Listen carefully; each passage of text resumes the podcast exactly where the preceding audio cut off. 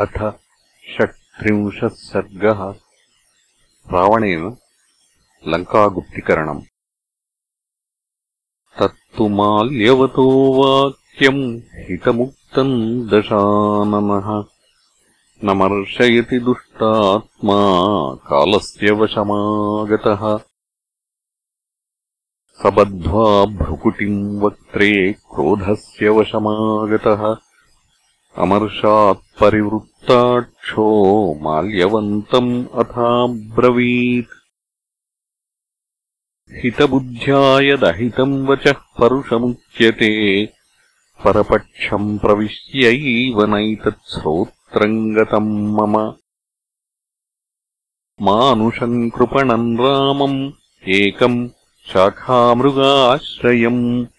समर्थम् मन्यसे केन त्यक्तम् पित्रा वनालयम् रक्षसामीश्वरम् माम् च देवतानाम् भयङ्करम् हीनम् माम् मन्यसे केन ह्यहीनम् सर्वविक्रमैः। वीरद्वेषेण वा शङ्के पक्षपातेन वा रिपोः। त्वयाहम् परुषाण्युक्तः परप्रोत्साहनेन वा।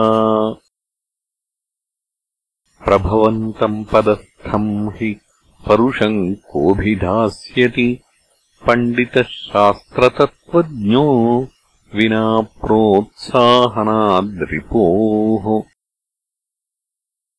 आनीय च वनात् सीताम् पद्महीनामिव श्रियम् किमर्थम् प्रतिदास्यामि राघवस्य भयादहम्। वृतम् वानरकोटीभिः ससुग्रीवम् सलक्ष्मणम्। पश्य कैश्चिदहोभिस्त्वम् राघवम् निहतम् मया। द्वन्द्वे यस्य न तिष्ठन्ति दैवतान्यपि संयुगे। स कस्माद्रावणो युद्धे भयम् आहारयिष्यति द्विधा भज्येयमप्येवम् न नमेयम् तु कस्यचित्। एष मे सहजो दोषः स्वभावो दुरतिक्रमः। यदि तावत्समुद्रे तु सेतुर्बद्धो यदृच्छया रामेण विस्मयः कोऽत्र येन ते भयमागतम् स तु तीर्त्वार्णवन् रामः। सह वानरसेनया प्रतिजानामि ते सत्यम् न जीवन् प्रतियास्यति एवम् ब्रुवाणम् संरब्धम् हृष्टम् विज्ञाय रावणम् व्रीळितो माल्यवान् वाक्यम् नोत्तरम् प्रत्यपद्यत जयाशिषा च राजानम् वर्धयित्वा यथोचितम् माल्यवान् अभ्यनुज्ञातो जगामस्वन्निवेशनम्। रावणस्तु सहामात्यो मन्त्रयित्वा विमृश्य च लङ्कायाम् अतुलाम् गुप्तिम् कारयामास राक्षसः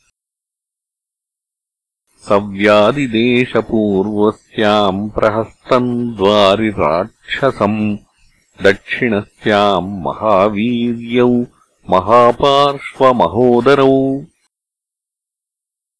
पश्चिमायाम् अथोद्वारिपुत्रम् इन्द्रजितम् तथा व्यादिदेशमहामायम् बहुभीराक्षसैर्वृतम्